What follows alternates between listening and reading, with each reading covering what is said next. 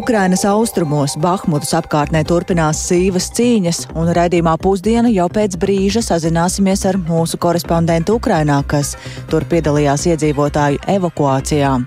Pamatīgu haosu ceļotāji plāno šodien izraisīs Vācijas lielāko lidostu darbinieku streiks. Viņi prasa lielāku atalgojumu, un streika dēļ ir atcelti tūkstošiem avio reisu.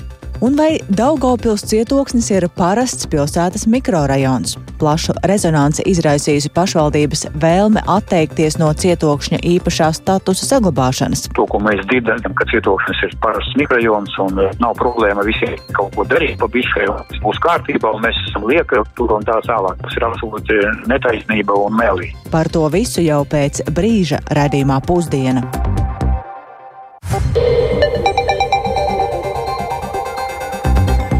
Piecas minūtes pāri 12. un laiks ziņu raidījumam pusdiena, skaidrojot šīs dienas 17. februāra svarīgos notikumus. Studijā Dācis Semenoviča, esiet sveicināti! Šī gada valsts budžeta projekts un tā pavadošie likumprojekti ir nonākuši līdz saimas ārkārtas sēdē un šobrīd to skata pirmajā lasījumā. Sēdē par budžetu izskan gan vērtējums, gan arī kritika, savukārt darbs ar to sekos nākamajā nedēļā. Vairāk par to ir gatavs stāstīt Jānis Kīncis. Sveiks, Jāni, vārds tev! Sveika, Dārts, sveicināti klausītāji. Jā, salīdzinot ar pagājušo gadu, šā gada budžeta plānā gan ienākumi, gan izdevumi auguši par vairāk nekā diviem miljardiem eiro. Un lielā mērā tas noticis inflācijas ietekmē. Un raksturojot šo budžeta veidošanu, finanšu ministrs Arvils Ašarādens no jaunās vienotības šīs dienas debatēs uzsvēra, ka budžets ir tapis grūtos apstākļos. No vienas puses atkāpjot, atkāpjoties Covid laika problēmām, un, taču tās nomainot sekām pēc Krievijas iebrukuma Ukrainā. Un arī šis budžets aplie, apliecinās bezkompromisu atbalstu Ukrainai un cīņu ar sekām arī tā skaitā pēc nepieredzētā energoresursu cenu cēliena, lēciena. Tā klāstīja ministrs. Budžeta projektā redzami centieni sabalansēt dažādas intereses. Tā savukārt atbal, apgalvoja premjeras Krišjāns Kariņš no jaunās vienotības. Paklausīsimies viņa teikto.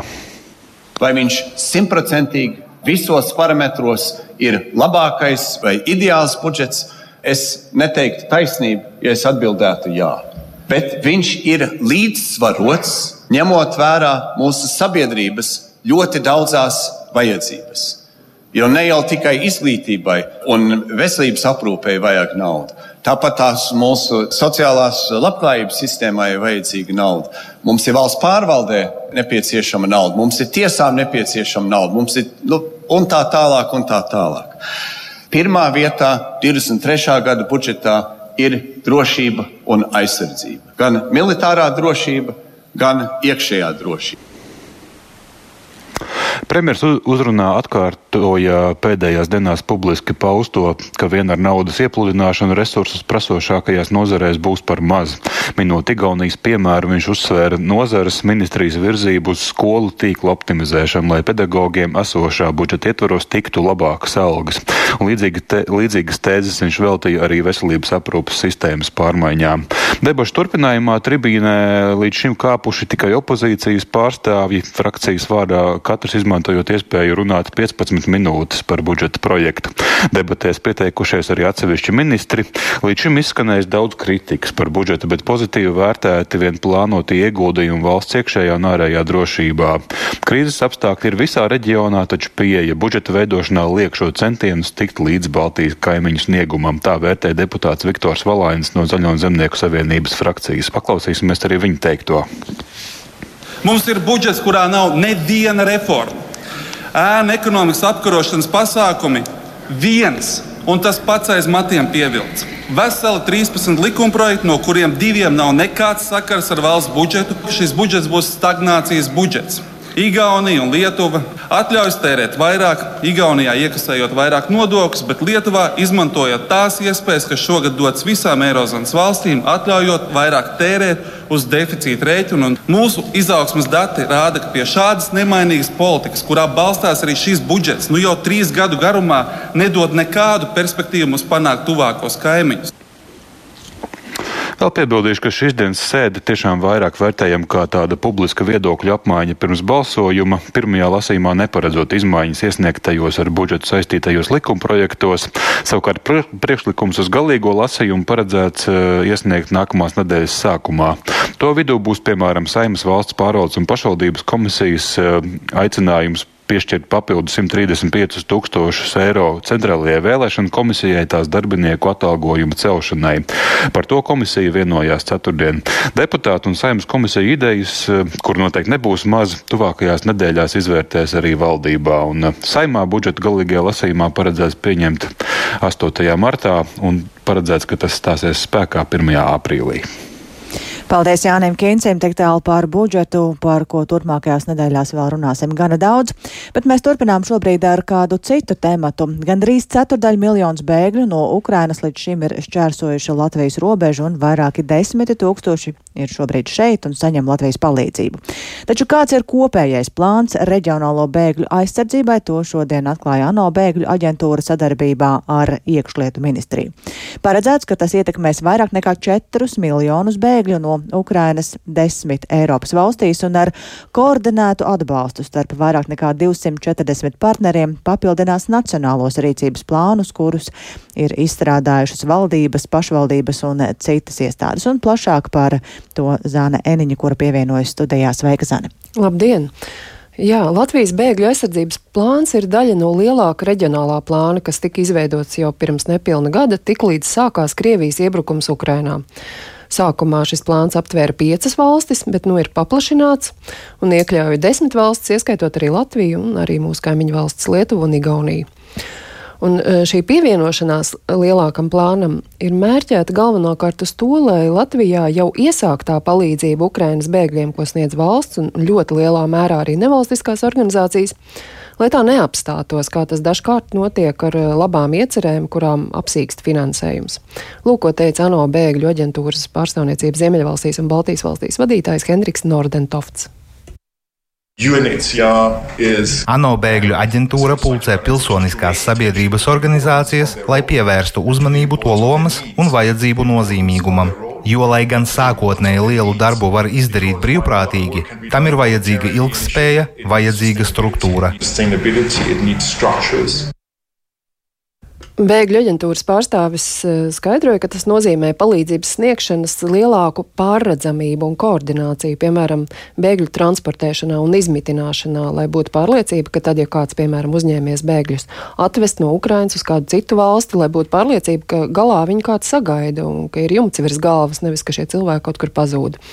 Un plāna realizācijai plānots tērēt kopumā 12 miljonus dolāru, kas ir ap 11,2 eh, miljoniem eiro un izlietojums skars visdažādākās jomas, bet kā divas visakūtāk risināmās problēmas ANO bēgļu organizācijas pārstāvis izcēla bēgļu izmitināšanu un nodarbinātību. Bet par šo tematu plašāk arī varēs dzirdēt nākamajos ziņu raidījumos. Paldies Zanēju, tātad tas par reģionālo bēgļu aizsardzību. Un Mēs turpinām ar um, citu tematu, patiesībā ļoti saistītu, jo bēgļu plūsma, protams, no Ukrainas diemžēl arī turpinās, jo Ukrainas austrumos šonadēļ turpinās sīvas cīņas, un, piemēram, Krievijas uzbrukuma pārņemtajā Bahmutā joprojām palikuši 6000 Ukrainas civiliedzīvotāji, kuri, neraugoties uz risku dzīvībai, joprojām savas mājas nav pametuši. Frontes pievārtē šonadēļ vairākas dienas pavadīja arī mūsu korespondente Ukrainā Indra Sprānce, kura šobrīd mums pie telefona klausulas. Sveika, Indra, kur tieši tu biji un ko esi šajās dienās pieredzējusi? Jā, labdien! Es četras dienas pavadīju kopā ar brīvprātīgiem no organizācijas Save Ukraine, kas evakuēja cilvēkus no frontes karstajiem punktiem. Un vienība, kurai es pievienojos, darbojas ļoti plašā teritorijā Doņetskas apgabalā, un katru dienu saņem izsaukums no cilvēkiem, arī no Bahmutas, kas beigās tomēr piekrīt, piekrituši evakuēties un ļauj, lai viņus izved no šiem karstajiem punktiem. Tās pa, pamatā tās ir vietas, frontes pievārtē, kur jau sen vairs nav elektrība, daudz viet nedarbojas arī telefona sakara un tās nemitīgi tiek apšaudīts. Es pat arī divas reizes biju Časivjārā, kas ir apdzīvot vieta pāris kilometru attālumā no Bahmutas, un tur patiešām ļoti tuvu notiek kara darbība. Daudz sēkas ir iznīcināts, cilvēki dzīvo pagrabos. Nu, tomēr joprojām daļa apdzīvotās vietas um, iedzīvotāji joprojām nevēlas pamest savus mājas. Esot tur Časību jārā, es arī sastapu vietējo stārastu, jeb vecāko, kas atbildīgs par trīs ciemiem apkaimē, un viņš arī apzina tos iedzīvotājus, kuri, kuri ir gatavi, kuri nav gatavi evakuēties, un tad palīdz organizēt tiem, kas ir uh, gatavi šo izbraukšanu, nu, tā kā telefonu sakaru tur tagad nav. Paklausīsimies mazu fragmentiņu no sarunas ar viņu. Nu, в районе 200 человек. Aptuveni 200 cilvēki vēl ir palikuši. Jūs sakat, lai brauc prom? Да, кому некуда ехать. Jā, bet kā kuram? Vienam nav kur braukt, citam nav naudas. Mēs jau lieliski zinām, kāda tur ir situācija. Cilvēki tur aizbrauc, nav viņiem kur palikt. Cik jums bērnu šobrīd ir? Детей уже нету ни одного. Bērnu vairs nav, visus izveda, vakar pēdējos aizveda. Ko jūs tālāk darīsiet? Ну, пока работаем. Я... Pagaidām strādājam. strādājam. Es strādāju vietējā pašvaldībā.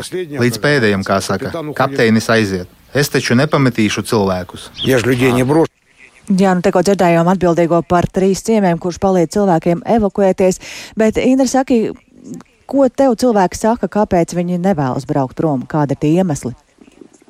Nu jā, vakar, piemēram, es runāju ar diviem cilvēkiem, kurus vakar izved no Bahmutas, un tie iemesli viņiem abiem bija diezgan līdzīgi. Viņi sacīja, ka viņi tur palikuši, lai sargātu savus mājas. Jā. Vienam vīrietim māju vakar no rīta sabombardēja, un tāpēc um, viņš tobrīd bija izgājis, uh, atradās uh, ārā, un uh, nu, viņam paveicās, viņš, viņš ir vesels, bet nu, viņš beidzot piekrita, ka viņu izved no turienes un deva ziņu brīvprātīgajiem, ka viņš ir gatavs braukt prom. Un arī otrs vīrietis teica, ka palicis tur tik ilgi, lai nosargātu savu īpašumu. Arī viņa mājas pagalmā ir trāpīts, un tagad viņš tomēr piekrita evakuēties un tā lūgumiem braukt projām. Bet uh, ir redzams, ka šis lēmums viņiem ir ļoti smags, jo nu, jāsaprot, ka cilvēki tur atstāja pilnīgi visu savu iedzīvu un sāk dzīvi no nulles svešā vietā. Dažiem ir ļoti, ļoti grūti. Bet nu, vismaz sākotnēji tur cilvēkiem ļoti palīdz brīvprātīgie, gan tie, kas ikdienā riskējot arī ar savām dzīvībām, viņiem veda pārtiku, ūdeni uz šīm vietām, kur patiešām notiek kara darbība. Un gan arī pēcāk, ja viņi piekrīt evakuācijai, tad tālāk gan izvedot, gan palīdzot nokārtot visas formalitātes, lai viņi saņem pabalstus, lai viņi nu, nonāktu savos galamērķos, ja viņiem ir tādi, vai arī, ja, ne, ja ir iespējams, tad viņus vienkārši pārceļ tur, kur ir, ir Ukrainā ir tāda palīdzības programma bēgļiem no šiem frontes rajoniem, kur katrs apgabals, katra apgabala cilvēki tiek pārcelt uz, uz citu, kur viņiem nodrošināt vietu, kur viņi var pastāvīgi uzturēties ilgāku laiku, nevis tikai pagaidu mītnes. Tad šie apgabali arī ir tie, kur tie cilvēki dodas tālāk, es saprotu. Ja? Jā, ļoti dažādi. Tiem, kuriem ir kādi tuvinieki, tiem uh, brīvprātīgie palīdz nu, teiksim, nodrošināt to, lai viņi bez maksas var ar vilcienu nobraukt šos lielos gabalus līdz, uh, līdz vietai, kur viņiem ir šie, šie cel, uh, savējie mainieki. Uh, tiem, kam nav, tad uh, ir iespējas gan palikt tādas, tādas īpašas mājas, uh, gan ir tādas konteineru mājiņas, gan ir citas uh, vietas, kur, kur ir uh, iespējams šiem bēgļiem uh, apmesties.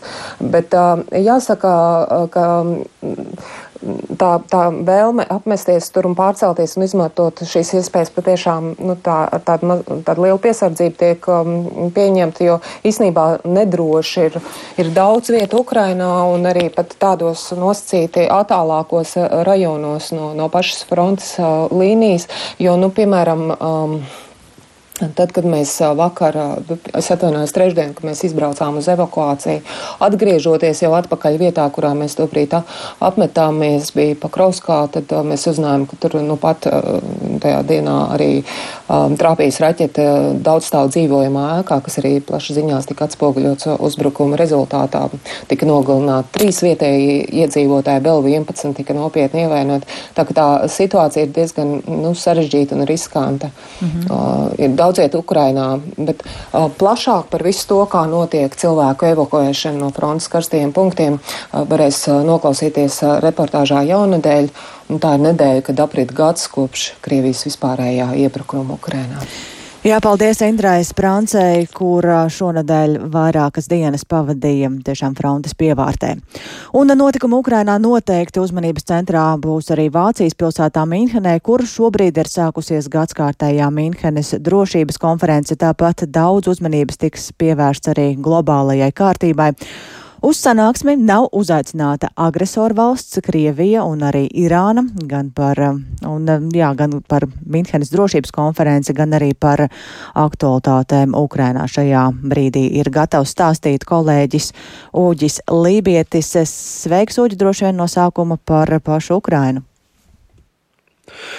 Jā, sveicināti, Dācie, sveicināti klausītāji. Nu, gribētu es laikam sākt šo ierakstu ar um, papildinot uh, Ilzas teikto par to, ka arī pagājušās nakts statistika Ukrainā nav bijusi iepriecinoša, jo pēdējā diennaktī Ukrainā Krievijas raķešu triecienos ir dzīvību zaudējuši deviņi un ievainoti ir 24 cilvēki.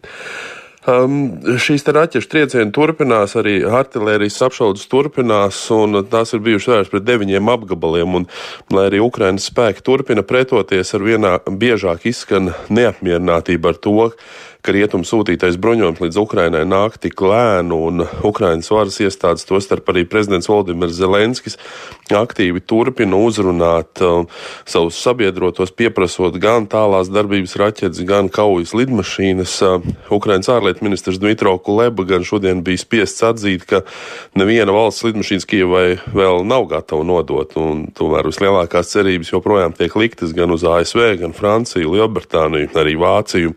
Uh, pēc Pēc Zelenska vārdiem Krievija saprot tikai ieročus un nekāds dialogs īpaši jau ar Krievijas prezidentu Vladimiru Putinu nav iespējams. Nu, tāpēc arī piekāpties miera dēļ Ukraina nav gatava. Uh, viens no veidiem un platformām, kā vēlreiz uzrunāt rietumu sabiedrotos, ir gadskārtajā Minhenes drošības konference, uz kuru ir pulcējušies daudzu valstu politiskie līderi un drošības eksperti. Un no Savienotajām valstīm vien ir ieradusies apmēram 50 cilvēku liela kongresmeņa delegācija. Kongres, konferences priekšvakarā tās organizators Kristops Hausgens izteicies, ka šī konference patiesībā nav tikai par Ukrainu, bet arī par uz noteikumiem balstītu starptautisko kārtību. Nu, pēc viņa vārdiem konferences dalībniekiem ir jāspriež par to, vai nākotnē mūs gaida tāda kārtība, kurā valda likums, vai arī tāda kārtība, kurā dominē spēcīgākā likumi. Nu, Hausgans arī komentēja lēmumu neuzaicināt uz konferenci Krievijas pārstāvis. Paklausīsimies viņa teikto. Vladimir Putin glaubt, dass er am längeren Hebel ist. Vladimirs Putins uzskata, ka viņš ir guvis virsroku un ka mēs nespēsim noturēties. Viņš nav pakļāvies kompromisiem nevienā no izvirzītajām prasībām. Pagājušajā gadā mēs neilgi pirms kara sākuma mēģinājām Krieviju šeit uzaicināt un visu izrunāt, taču viņi nebija gatavi ierasties. Bet šogad es neesmu gatavs dot Sergejam Lavrovam Minhenes skatuvi viņa neiedomājamai demagogijai un propagandai, kura ir domāta tikai tiem upuriem, cilvēkiem, kuri jau tā cieš no Krievijas uzbrukumiem. Lai arī vairums rietumu ekspertu uzskata, ka Krievijai tiešām Minhenes konferencē nav jābūt, bijušais konferences prezidents Volgangs Išingers gan ir paudzis nožēlu, ka Krievija un Irāna šoreiz konferencē nav pārstāvēts, jo parasti šī ir bijusi iespēja pie viena saruna galda nosēsties arī nērtiem pretiniekiem.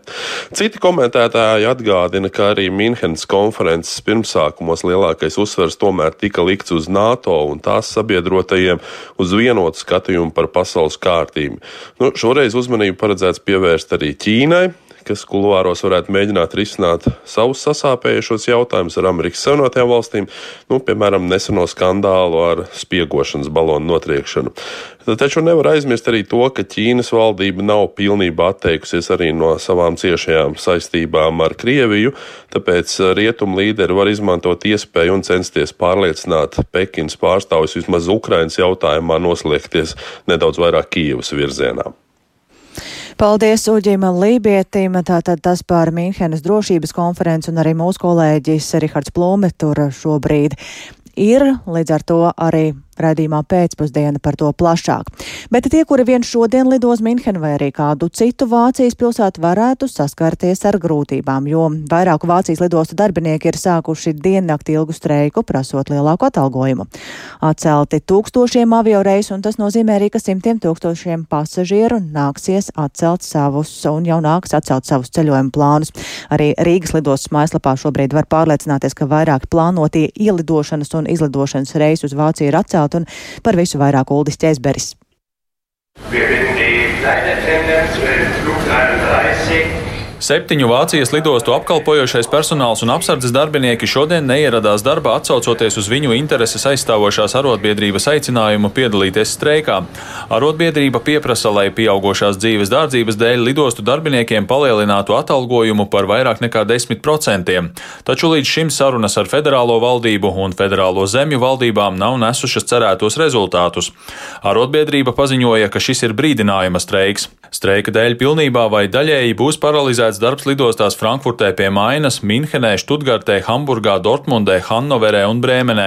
Vācijas lielākās lidostas Frankfurtē pie Mainas operators paziņoja, ka šodien ir atcelti visi regulārie pasažieru lidojumi. Parasti šī lidosta dienā apkalpo aptuveni tūkstoti lidojumu un 130 tūkstošus pasažieru. Pilnīgi visi pasažieru reisi ir atcelti arī valsts otrajā lielākajā lidostā Minhenē. Minhenes lidostas vadītājs un Vācijas gaisa transporta asociācijas prezidents Josts Lammers sacīja, ka streiks radīs ne tikai lielus finansiālus zaudējumus, bet arī sabojās daudzu ceļotāju ieplānotās brīvdienas. Äh, Šodien Minhenes lidostā bija paredzēts apkalpot vairāk nekā 90 tūkstošus pasažieru un vairāk nekā 700 lidojumus, kurus nācās atcelt. Šajās dienās sākas Bavārijas karnevāls, tāpēc, manuprāt, šis streiks ir pilnīgi netaisnīgs un pārmērīgs. Tādēļ cieši ģimenes un pasažieri, kuri gatavojās doties nedēļu ilgās brīvdienās. Tagad viņi nevarēs ceļot, ļoti iespējams, ka viņi arī nevarēs pārrezervēt avio biļetes. Mēs pieņemam, ka normāls lidostas darbs atsāksies sestdienas rītā, jo streiks noslēgsies naktī no piekdienas uz sestdienu. Streika laikā Minhenes lidosta turpinās apkalpot lidmašīnas, kas nogādās palīdzības kravas zemestrīcēs cietušajiem Turcijā un Sīrijā. Lidostā varēs nolaisties arī lidmašīnas ar ārvalstu līderiem, kuri piedalīsies Minhenes drošības konferencē. Šī ir izaicinājumiem bagāta nedēļa Vācijas aviācijas nozarei. Trešdien Vācijas Nacionālā aviokompānija Lufthansa datorsistēmu problēmu dēļ bija spiesta atcelt vai pārvirzīt simtiem iekšzemes un starptautiskos lidojumus. Savukārt vakar bija traucēta vairāku Vācijas lidostu mājaslapu darbība, kas varētu būt saistīts ar koordinētu kiberuzbrukumu. Ulris Česberis, Latvijas radio. Un pievēršamies pašmāju notikumiem. Vai Daugopils cietoksnis ir parasts pilsētas mikrorajons? Šāds jautājums ir kļuvis aktuāls un satrauc gan pilsētas iedzīvotājs, gan arī sabiedriskās organizācijas, kas uzskata, ka Daugopilī tik nozīmīgā turisma un vēsturiskā objekta attīstība un saglabāšana varētu ietekmēt Daugopils pilsētas pašvaldības plāni. Pašvaldība rosina izmaiņas turisma attīstības un informācijas aģentūras nolikumā, kas pēc būtības paredz likvidēt Daugopils cietokšņa pārvaldnieku un viņa vietnieku darbinieku amatus. Vairāk par situāciju Daugopilī runāsim ar Latvijas radio Latgales studijas kolēģi Karinu Važnaju.